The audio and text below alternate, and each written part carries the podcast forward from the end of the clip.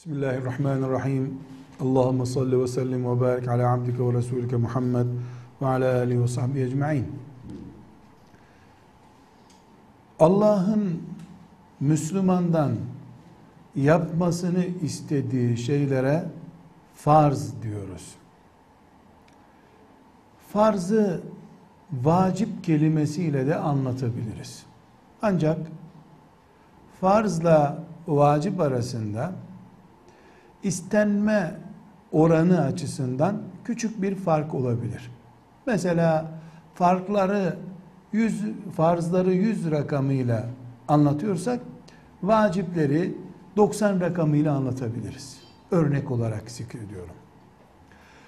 Müminin yapmak zorunda olduğu şeylere farz diyoruz, vacip diyoruz. Yapması teşvik edilen ama yapmaması halinde farzlarda olduğu gibi ceza, cehennem cezası getirilmeyen şeylere de sünnetler diyoruz. Sünnetler Müslümanın yapmak mecburiyetinde olmadığı ama Resulullah sallallahu aleyhi ve sellem Efendimiz'e ümmet olmanın şerefini hissetmek ve Resulullah sallallahu aleyhi ve selleme ittiba etmek için yapması halinde yoğun sevap kazanacağı işlere sünnet denir. Sünnetlerin bir başka adı da nafiledir. Nafile sünnet demek, sünnet de nafile demektir.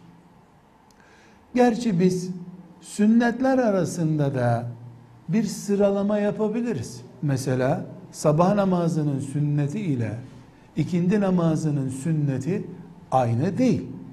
Sağ elle yemek yemek sünneti başka, ezan okumak sünneti başka.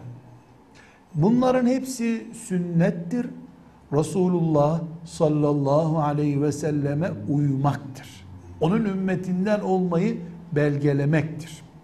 Ve bunların hepsinde sevap vardır. Ama pazartesi günü, perşembe günü oruçlu olmak nafile bir ibadettir. Sünnetlerden bir sünnettir ya. Peki nafiledir ne demek? Müslüman Ramazan dışında pazartesi günü oruç tutmaması halinde günaha girmeyecek demektir. Tuttuğu şey nafiledir. Nafiledir. Yaparsa sevap kazanacak. Yapmazsa günaha girmeyecek. Demek ki nafileler aslında ibadettirler. Şu kadar ki Allah Erhamur Rahimin olduğu için, kullarına çok merhametli olduğu için, kullarının yapmasını murad ettiği şeylerin az bir bölümüne farzlar diye isim koydu. Vacipler dedi. Yoğun büyük bölümüne de nafileler dedi. Nafileler de farzlar listesinde olsaydı biz belki de senenin 6-7 ayını oruçlu geçirmiş olacaktık.